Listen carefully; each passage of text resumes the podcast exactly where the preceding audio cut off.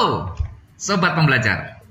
Berjumpa lagi dengan kami, podcastku, pengetahuan dalam genggaman. Episode kali ini kita akan beri judul melihat masa depan dengan prediktif analitik. Melihat judulnya melihat masa depan. Wah, keren ini. Nah, kalau melihat masa depan tentunya kita juga harus bertanya kepada calon-calon pemimpin masa depan Kementerian Keuangan. Di sini ada Mas Sindu dan Mas Agung yang sudah siap membantu kita dan menjelaskan tentang prediktif analitik, manfaat prediktif, pemanfaatan prediktif untuk apa, kebutuhan dan software-software yang digunakan. Serta di ujungnya nanti akan ada tips. Jadi stay tune dalam podcastku. Kita mulai dengan pertanyaan yang pertama. Apa sih prediktif analitik? Nah,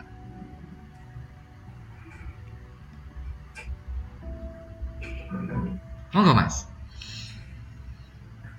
Oke, jadi uh, prediktif analitik itu adalah suatu proses di mana kita dengan data yang kita dapatkan, kemudian kita bisa mengetahui uh, apa angka selanjutnya ya. Misalnya prediktif tuh kayak misalnya saat kita mengetahui berapa misalnya tadi kalau contoh di podcast sebelumnya mungkin ada yang masalah antrian ya.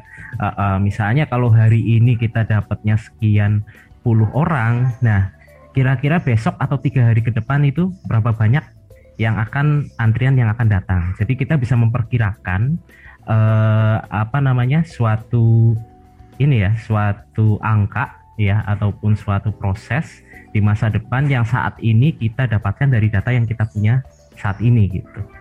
Itu secara konsepnya seperti itu. Ya mungkin sedikit nyambung dengan proses bisnis ya tadi kalau kita bilang proses bisnis itu dari A sampai Z atau dari input eh, kemudian kita mendapatkan output. Nah ini dengan predictive analytic kita bisa memperkirakan tuh ketika inputnya input baru masuk itu outputnya kira-kira seperti apa itu kita bisa prediksikan seperti itu. Tuh, kayak dukun, ya kayak dukun, kayak dukun, ya. dukun, oh, dukun data, ini asik dukun ini. data. ini ini asik ini. Seberapa cepat input masuk merubah output yang diinginkan. Nah itu tadi pertanyaan menjadi suatu pertanyaan bagi saya. Mungkin Mas Agung bisa jawab. Input masuk sampai dengan output itu keluar itu berapa lama proses yang dibutuhkan? Kalau prosesnya ketika sudah jadi modelnya itu akan cepat sekali ya Pak. Jadi uh, jadi uh, untuk membuat suatu prediksi itu kan kita butuh model ya. Jadi di data analitik itu makanya kita ada proses membuat pembuatan model tadi. Dari model tadi yang dibutuhkan adalah data dulu data. Data historisnya seperti apa, variabelnya apa saja. Kemudian kita bisa bikin model dari data tersebut Nah, ketika sudah jadi modelnya itu uh, kita memprediksi itu bisa cepat sekali ya dalam hitungan ya, sekian detik ya, sekian detik karena uh, yang menjalankan itu kan mesin ya, Pak. Jadi yeah. Ya. uh, langsung real time apa bisa yeah. kita prediksikan. Itu bedanya sama dukun biasa, Pak, sama dukun data, Pak. Uh, uh, kalau okay. dukun uh, uh, kalau dukun biasa sesuai sajen, Pak, kecepatannya. nah, di era sekarang ini, setiap malam kita nonton bola nih ada Euro ya kan? Euro 2020 yang begitu heboh lah di sana. Hmm. nah kira-kira bisa nggak sih diprediksikan siapa juaranya? Siapa runner upnya atau pertandingan nanti malam nih siapa lawan siapa? Kira-kira berapa? Nah kira-kira untuk uh, memprediksi itu bisa nggak menggunakan ilmu ini Hmm, ini pertanyaannya sederhana cuma susah jawabnya Pak. Jadi kalau bisa atau enggak ya pasti bisa. Uh, uh, tapi kalau akurat atau enggak, nah itu beda cerita. Iya, kalau misalnya kita bayangkan, misalnya kita mau memprediksi nih antara uh, pertandingan um, siapa malam ini ya, Exo. Hmm. Iya, misalnya malam ini nih uh, Jerman lawan mana gitu ya. ya. Berarti kan kita harus lihat tuh uh, histori dari pemainnya, histori dari negaranya, kemudian performa di sebelumnya, ada hmm. cedera atau enggak, kemudian tergantung dari sampai level mana ya kita akan memprediksi, hmm. termasuk lokasi pertandingannya di mana dan kawan-kawan gitu. Meskipun seperti itu, faktor eksternal dari suatu prediksi di permainan sepak bola itu kan sangat besar ya. Uh, uh, bisa jadi apa shot on goalnya itu udah 8 nggak ada yang masuk gitu kan. Tetapi yang grup lawannya sekali tendang langsung masuk tuh, akhirnya menang. Nah, hal-hal seperti itu yang jadi prediktif kita bisa memprediksi apa pun, tapi memang kadang output yang dihasilkan itu ter, tergantung dari apa yang kita prediksi. Seperti permainan bola itu termasuk sangat sulit untuk dilakukan prediksi yang akurat. Iya. Uh. Ya, artinya intinya kan seperti yang tadi dijelaskan oleh Mas Agung, ada data, ada hmm. variabel, mm -hmm. kemudian terbentuk oleh model sehingga membuat suatu akurasi. Semakin mm -hmm. banyak input datanya, maka semakin akurat. Tentunya mendekati kenyataan gitu. Sama dalam kehidupan nyata. Pada saat kita yang sering nonton bola, kemudian memprediksi. Itu lebih tepat daripada yang tidak pernah nonton memprediksi ke mana-mana nanti. Kan jadinya kan seperti itu kan gitu. Betul betul betul. Gitu ya gampangnya gitu ya. Yeah, uh, simpelnya. Yeah. jadi biar uh, sobat pembelajar itu jangan terlalu serius ini data terus gitu. Oh iya ya penggemar bola nebaknya pasti lebih dekat daripada yang bukan penggemar bola kan begitu kan? Artinya Betul. itu kalau penggemar itu berarti data yang masuk di kepala kan lebih banyak nih mm -hmm. daripada mm. yang enggak. Oh kemudian nih tim Prancis nih sekarang sudah ada Mbappe nih sudah ada Griezmann nih sudah ada ini nih oh, kok, penyerang semua nih biasanya kalau juara-juara itu adalah tim yang di pemain tengahnya itu paling banyak ini seperti itu oh akhirnya nanti prediksinya seperti ini I get idea. Oke, okay, keren banget ini ya. Tapi memang sulit karena data itu begitu banyak dan variabelnya lebih banyak. Bolanya juga pengaruh angin, kecepatan, suhu dan begitu banyak ya. Kemudian uh, kondisi pemain. Hmm. Itu juga variabel ya Mas ya, kondisi variable pemain, juga. kemudian uh, harmonisasi pemain dengan pelatih dan segala macam. Oke, ini kalau kita bahas nggak akan selesai. Betul. Jadi akhirnya kita balik lagi ke uh, masalah berikutnya. Kenapa prediktif analitik itu penting? Monggo Mas Agung. Ya kalau tadi kita bisa ngelihat contohnya adalah kita prediksi bola ya, itu kan uh, sesuatu yang mungkin memang agak susah di tebak istilahnya walaupun dengan kita menggunakan data tapi banyak faktor eksternal atau variabel-variabel yang kita tidak bisa memprediksikan itu juga mungkin contohnya untuk prediksi saham uh, kalau kita juga yang lagi trending juga ini kayak contohnya Bitcoin ini. Mungkin tidak banyak yang prediksi bahwa harganya bisa anjlok seperti itu. Nah tapi di samping itu sebenarnya ada yang uh, prediksi itu bisa lebih bermanfaat lebih akurat digunakan. Itu banyak juga istilahnya uh, kita tidak terbatas pada prediksi yang istilahnya kayak tadi kan semi gambling lah ya Pak. Nah kalau yang prediksi yang bisa dilakukan lebih akurat, contohnya itu bisa kita ketika kita memprediksi satu penyakit ya. Jadi faktor-faktor apa sih yang diketahui dalam seseorang, misalkan dia ada riwayat eh, keturunannya ada penyakit jantung itu kemungkinan untuk dia terkena penyakit jantung juga akan lebih tinggi. Nah, ke, kalau seperti itu juga sudah ada contohnya misalkan berdasarkan hasil uh, scan paru-paru misalkan bisa mendeteksi apakah dia terkena akan ada terkena uh, eh, TBC atau tidak seperti itu. Atau misalkan contohnya uh, diabetes ya, faktor-faktor yang mempengaruhi diabetes menjadi variabel itu bisa memprediksikan bahwa seseorang terkena diabetes atau tidak. Nah, kalau yang terbaru sekarang mungkin COVID ya, Pak. Jadi ya, dengan adanya sebenarnya kan itu kita melakukan prediktif analitik juga ya. Jadi orang yang memiliki komorbid itu kemungkinannya akan lebih besar apa terkenanya lebih parah ketika uh, kena COVID ya. Itu kan sebenarnya prediktif juga, Pak. Ya, jadi uh, dari situ kan kita bisa mengetahui langkah apa sih ketika ada yang komorbid tentunya harus lebih ketat lagi untuk uh, prokesnya ya. Jadi dari situ contoh uh, contoh mengapa sih karena pemanfaatannya bisa banyak dan bisa bermanfaat sekali untuk uh, kita semua. Ya, mungkin nambahin aja.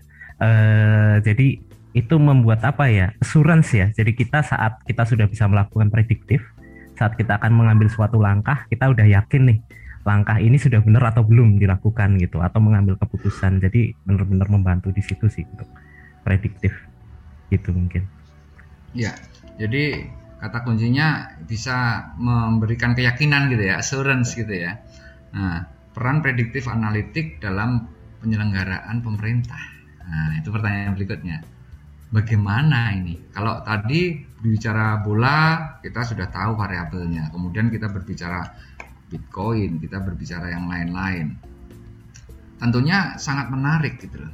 dan begitu banyak variabel yang ada di dalamnya gitu termasuk siapa pemimpin kita berikutnya itu juga bisa kita hitung melalui jalur Twitter, jalur Facebook, jalur Instagram atau apa. Tapi itu kan semuanya hanya prediksi yang tentunya ada uh, rule atau ada ilmu-ilmu lain yang bisa kita gunakan, yang kita joinkan sehingga prediksi itu menjadi lebih lebih apa tepat sasaran gitu. Nah, dihubungkan dengan penyelenggaraan pemerintah. Variabel apa saja yang dibutuhkan gitu. Kemudian kira-kira tingkat akurasinya itu sampai prosentasenya sampai berapa sih? Mungkin Mas Agung atau Mas Sindu silahkan monggo.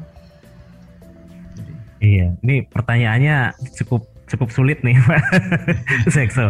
Jadi karena pemerintah ya orang di Kemenkeu aja uh, sebenarnya ini lagi berjalan ya. Ada beberapa inisiatif strategi data analitik di Kemenkeu ada 26 dan beberapa memang melakukan prediksi itu. Uh, uh, jadi beberapa udah ada yang berhasil, ada yang masih dalam proses pencarian data dan kawan-kawan. Nah kalau variabel apa aja ya banyak sekali sih. Mungkin kayak misalnya kalau sebelumnya saya contohkan, spesialnya adalah data anggaran tuh ya kan kita tahu bahwa realisasi anggaran sama pagu biasanya ada gapnya tuh. Nah yang terjadi uh, adalah uh, kadang-kadang kita juga susah menentukan dari mungkin dari ini dari DCPP ya berapa sih kas yang seharusnya ada ready untuk uh, ditransferkan ke KL-KL lain atau daerah dan kawan-kawan. Dengan adanya seperti itu kan jadi lebih efisien tuh. Misalnya kita tahu nih kira-kira besok butuhnya seberapa besar. Itu juga salah satu contoh mungkin kalau kemarin ada BRI Hackathon itu memprediksi itu juga berapa kas yang harus siap setiap hari itu salah satu contohnya. Ada juga yang contoh adalah memprediksi kira-kira eh, bagi hasil surat utang negara berapa. Ya jadi kita bisa tahu nih ke depan nanti bagaimana eh, apa imbal balik yang pas kemudian mungkin promosi ke masyarakat dan kawan-kawan itu ada juga. Kemudian apalagi ya kalau di bea cukai itu memprediksi kira-kira eh, orang mana turis mana yang kemudian membawa uh, barang yang sebelum sebenarnya masih belum dikenai pajak atau cukai itu contohnya ya. Uh, uh, jadi banyak sekali itu cash-cashnya kalau untuk di pemerintahan. Jadi dan ini sedang berjalan nih ya. Jadi nanti akan menarik nih. Semoga tahun ini semuanya selesai dan kita akan melihat uh, bagaimana prediktif ini kemudian diaplikasikan di sektor pemerintahan. Karena Kemenkeu termasuk yang paling maju ya untuk hal ini. Gitu ke Sekso. Yeah ya mungkin menambahkan juga uh, kemarin juga di peserta bootcamp ya ada juga yang project bahwa memang memakai data analitik untuk uh, prediksi return atau yieldnya dari suatu investasi. Jadi uh, kalau di Kementerian Keuangan kita mau keputusannya misalkan apakah akan ngambil utang lagi atau kita investasi pada suatu uh, tertentu itu bisa diprediksikan kira-kira ini menguntungkan atau tidak sih Nah itu sudah mulai dilakukan. Jadi itu sangat menarik dan juga uh, sangat membantu sekali untuk decision making, terutama di Kementerian Keuangan. Ya memang kalau kita berbicara di proses bisnis atau kita berbicara di uh, bisnis as usual gitu ya, pada saat kita berbicara semua itu dihitung dengan uang, maka akan lebih simpel Nah, permasalahannya kan di pemerintahan ini kan tidak bisa hanya sebagai uang aja sebagai patokan. Kadang-kadang rugi pun harus kita ambil karena itu sifatnya kan pelayanan. Nah, ini ini suatu tantangan bagi kita bahwa bahwa kita bisa buktikan bahwa uh, prediktif analitik ini sangat berguna di dalam penyelenggaraan pemerintahan. Nah, karena berguna ini tentunya akan ada dong aplikasi-aplikasi atau software untuk melakukan uh, prediktif analitik supaya sobat pembelajar uh, itu bisa mengetahui kira-kira boleh dong dikasih uh, bocorannya itu kira-kira yang dipakai sama jagoan-jagoan Mofdak ini aplikasi apa saja sih? Nggak usah semua dibuka tentunya. Nah, kasih Oke. Terima kasih Seksu. Biasanya karena saya yang melakukan prediksi, nanti Mas Agung yang visualisasi ya Mas biasanya. Hmm. Nah, biasanya yang saya gunakan itu kalau sederhana Excel sebenarnya sudah sufisien ya. Di situ juga ada regresi, ada uh, banyak hal lain lah yang bisa kita gunakan di situ. Tetapi apabila kita mau advance, kalau saya pakainya Python ya Jupyter Notebook di mana di situ eh, enak digunakan ya dalam melakukan prediksi dan bisa kita simpan dan replikasi dengan mudah. karena bisa kasih kita kasih catatan kayak satu web page itu ada catatannya gitu ya biasanya menggunakan itu tuh untuk prediksi kalau untuk R saya nyoba latihan ternyata mungkin nggak cocok ya atau kurang berbakat di situ jadi eh, cenderung saya pakainya Python Jupyter Notebook itu selain itu deploy modelnya juga mudah untuk ke visualisasinya nanti. Monggo Mas Agung. Ya, untuk visualisasi sebenarnya banyak tool juga yang baik itu yang berbayar maupun yang gratis ya. Kalau misalkan untuk langsung visualisasi itu bisa pakai Tableau, Power BI ataupun untuk yang sekarang juga baru muncul baru dan termasuk bagus menurut saya Google Data Studio ya. Jadi hmm. kita bisa secara online jadi melakukan visualisasi di situ. Nah, kalau untuk selain itu sendiri uh, sama sebenarnya uh, kalau dari saya memakai Python juga termasuk untuk visualisasi itu ada Plotly dan Streamlit ya. Uh, jadi nyambung juga dengan Mas Sindu jadi integrasinya lebih mudah ketika pakai Python juga. Ya, luar biasa ya. Jadi uh, itulah kira-kira uh, aplikasi atau software-software yang dilakukan uh, untuk prediktif analitik. Nah, pada saat kita berbicara yang data analitik, tentunya kita lepas dari posisi tadi bayangannya tadi menarik itu pertanyaan apa jawaban dari uh, Mas Indu. Excel pun juga bisa digunakan. Nah ini kan bagaimana kita menggunakan itu dengan tepat intinya ya. Jadi bukan toolsnya tetapi adalah uh, apa namanya pengertian di belakangnya atau masalah apa sih sebenarnya yang akan dipecahkan sehingga uh, apa yang akan kita pakai itu alatnya menjadi tepat. Saya Betul. mengambil contoh misalnya begini. Saya mau bawa pasir dari sungai ya ke ke tempat bangunan. Pasir itu jumlahnya banyak sekali. Apakah kita menggunakan kontainer atau kita menggunakan truk atau kita menggunakan gerobak tergantung jarak uh, lokasi maupun jumlahnya seperti itu kira-kira ya sebagai sebagai apa namanya gambaran awalnya gitu ya. Ya, tepat sekali Pak X jangan nyemprot nyamuk pakai pakai apa namanya blanwir kan seperti itu. Oke. Oke oke, luar biasa nih. Terima kasih atas apa pencerahannya. Nah, kemudian di bagian akhir dari perjumpaan kita dalam sesi ini ada yang namanya tentunya perlu dong tips bagi para data analis dalam pengolahan prediktif analitik ini. Apa sih tipsnya buat sobat pembelajar supaya mereka bersemangat, mereka nggak nggak salah arah, mereka bisa lebih lebih apa namanya wow gitu untuk predictive analytic ini. Silakan mas. Oke, kalau pengolahannya itu nomor satu pasti untuk data ya, memahami dan persiapan datanya. Jadi saat uh, biasanya orang-orang itu menyerah dulu pada saat melihat data karena data tuh kadang udah banyak bolong-bolong terus habis itu kita nggak paham gitu ya. Jadi uh, mungkin untuk yang pengen belajar saya juga selama ini berjalan sama Mas Agung. 85% dalam melakukan prediktif analitik adalah persiapan data hingga datanya siap kita visualisasikan dan kita analisis. Itu adalah 85% jadi uh, persiapan data termasuk cleansing dan kawan-kawan itu merupakan proses yang berat panjang tapi memang apabila itu tidak dilakukan dengan benar, nanti juga visualisasi dan proses analitik kita juga tidak akan baik ke depan. Jadi itu pertama. Kemudian saat kita visualisasi, kita harus tahu visualisasi apa yang tepat untuk uh, suatu permasalahan. Misalnya kita mau lihat kurva normal kita pakai normal keterhubungan kita pakai Pearson gitu ya dan analisisnya gitu. Sehingga nanti habis itu kita lakukan machine learning ataupun apa di situ deep learning gitu ya sehingga keluar hasilnya dan habis itu kita harus bisa evaluasi. Jangan sampai kita membuat model rasanya udah bagus ternyata dievaluasi model yang sederhana lebih bagus dan itu lebih bisa diimplementasikan gitu. Itu kalau dari saya sih itu. Jadi jangan menyerah di pemahaman data dan persiapan data karena itu 85% biasanya mungkin?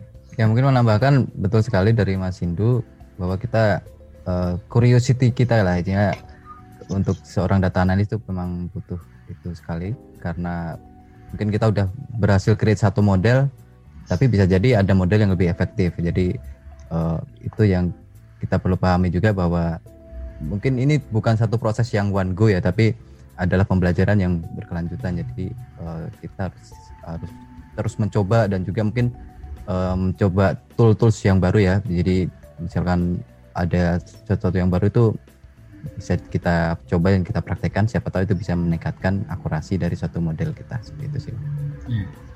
luar biasa ya mas ya penjelasannya ya. Jadi intinya jangan menyerah kemudian kurius ya. Tetap semangat gitu. Mencari celah dari data-data ini mencari bagian-bagian potongan-potongan terkecil puzzle-puzzle yang kecil yang bisa membentuk dalam suatu apa namanya algoritma ya ekstraksi gitu ya gitu ya jadi prediktif analitik bagian ilmu analitik nih ya yang berbentuk algoritma ekstraksi, informasi dan berbagai dataset untuk menemukan pola-pola atau tadi visualisasi untuk memprediksi di tren di masa depan. Tapi pertanyaan pertanyaan berikutnya adalah apakah past performance itu adalah menggaransi adanya future performance? Nah, gitu kan. Ini kan data-data masa lalu dengan uh, kalau bahasa istilah bahasa istilah akuntansinya ceteris paribus gitu loh dengan syarat-syarat semua tidak berubah maka ini akan diprediksikan seperti ini. Nah, dengan adanya istilah itu bagaimana menurut pendapat Mas Agung atau Mas Indu? Ya, memang makanya ini prediksi sesuatu itu memang sesuatu yang berkelanjutan ya. Jadi contohnya kayak yang COVID-19 ini kan tidak ada yang memprediksikan ada pandemi seperti ini ya. Jadi kita harus selalu mengupdate ya. Jadi dengan ada data baru ada informasi baru itu kita harus mengupdate juga dengan prediksi kita sehingga bisa menjadi lebih akurat dan memang harus perhatikan faktor-faktor eksternal yang bisa sangat berdampak sangat besar contohnya seperti pandemi ini mungkin nambahin kalau kita prediksi kan macam-macam ya Pak uh, Gus Ekso jadi ada yang reg, apa regresi atau time series kalau saya bilang biasanya gitu. Kalau time series itu kita akan melihat apakah ada seasonalnya gitu kan. Jadi kadang bulan Desember pasti pencairan anggaran lebih tinggi daripada bulan Februari itu misalnya. Nah kemudian apakah ada kenaikan tiap tahun dan kawan-kawan. Jadi pas performance itu pasti sangat mempengaruhi di situ termasuk dalam regresi hanya saja yang perlu kita perhatikan eh, kadang-kadang ada suatu kondisi seperti contohnya adalah COVID ini ya itu akhirnya membuat pas uh, pas data itu seolah-olah jadi nggak berguna sebelum 2000 20 itu ya. Uh, karena dengan adanya COVID ini kita memprediksi pertumbuhan bisnis pun harus menggunakan data setelah COVID. itu itu juga yang harus kita perhatikan. Apakah data yang dulu relevan dengan saat ini? Nah itu juga harus kita perhatikan karena kadang ada perubahan yang begitu besar sehingga mempengaruhi prediktif ke depan yang uh, cukup signifikan gitu. Oh, Oke, okay. jadi artinya bisa saya simpulkan bahwa kalau misalnya kita sudah dapat pitching tertentu gitu ya, itu bisa kita mainkan dengan algoritma yang tadi yang dimainkan. Kemudian prediktif analitik ini kan memungkinkan uh, kita untuk misalnya kalau kita misalnya seorang produsen gitu, bisa memasang iklan dong ya berdasar berdasar kecerdasan uh, buatan misalnya artificial intelligence gitu seperti Google AdWords, Facebook Ads Instagram sponsor itu kan uh, sangat persuasif untuk bisa digunakan berarti ya. Bisa bisa. Ya contoh yang sudah digunakan ya dulu kalau mengikuti pemilihan presiden Trump ya itu kan juga salah satu penerapan data analitik. Jadi dia menggunakan apa yang ada di media kalau kalau nggak salah Facebook ya. Jadi dia bisa menempatkan dia kampanye itu di mana saja untuk mendapatkan uh, apa voter yang paling besar, voter yang paling besar. Jadi lebih bisa lebih efektif. Jadi dengan waktu yang singkat tapi langsung mendapatkan vote yang banyak seperti itu. Itu salah iya. satu dampaknya. Oke, mantap banget ini Mas. Jadi infonya. Jadi makanya kadang-kadang kita juga berpikir ya, kalau kita misalnya belanja di di saya sebut merek lah di online shop Shopee lah, Tokopedia lah, atau beli-belilah atau GDID lah whatever itu terus kita nggak jadi beli kita udah nonton nonton nonton setiap kita mau nonton yang lain itu nongol lagi nongol lagi nongol lagi gitu kan? Kayak mancing mancing gitu. Nggak jadi nih nggak yakin nih. Nah, nah, itu, itu itu itu salah satu apa namanya pemaham penerapan prediktif analitik itu ya mas ya Iya, jadi kalau kita memahami konsumennya itu tipenya seperti apa, jadi kan akhirnya wah kalau orang di Indonesia begitu dipancing-pancing biasanya ini nih terpancing gitu ya, atau dipanas-panasi pakai apa ya itu bisa bisa dilakukan. Nih. Misalnya kita nyasar usia berapa, berarti prediksinya kemungkinan besar akan dapat uh, conversion rate ya istilahnya ya, iya. berapa yang nanti jadi beli. Itu menarik banget tuh. Ya, biasanya kalau Mas Indo sendiri terpancing nggak kalau misalnya kayak gitu? Uh, tergantung kondisi dompetnya. Oke, okay. ya tak terasa ya kita sudah berbicara prediktif itu begitu jelas, contoh-contoh clear, konkret. Terima kasih ya untuk sesi ini kita bisa akhiri. Oke, okay, keren banget infonya. Terima kasih untuk sobat pembelajarku yang berada di mana saja, kapan saja, siapa saja ya. Jadi intinya adalah bagaimana prediksi itu dijalankan, dia tidak memberikan uh, assurance 100%, tapi tadi menurut Mas Idu 85% lah. Itu sudah sudah bagus banget itu ya. Terus saja ikuti seri data analitik ini ya. Yang akan terus kita rilis. Sampai jumpa di seri berikutnya. Dan salam dari kami tim podcastku, pengetahuan dalam genggamanku.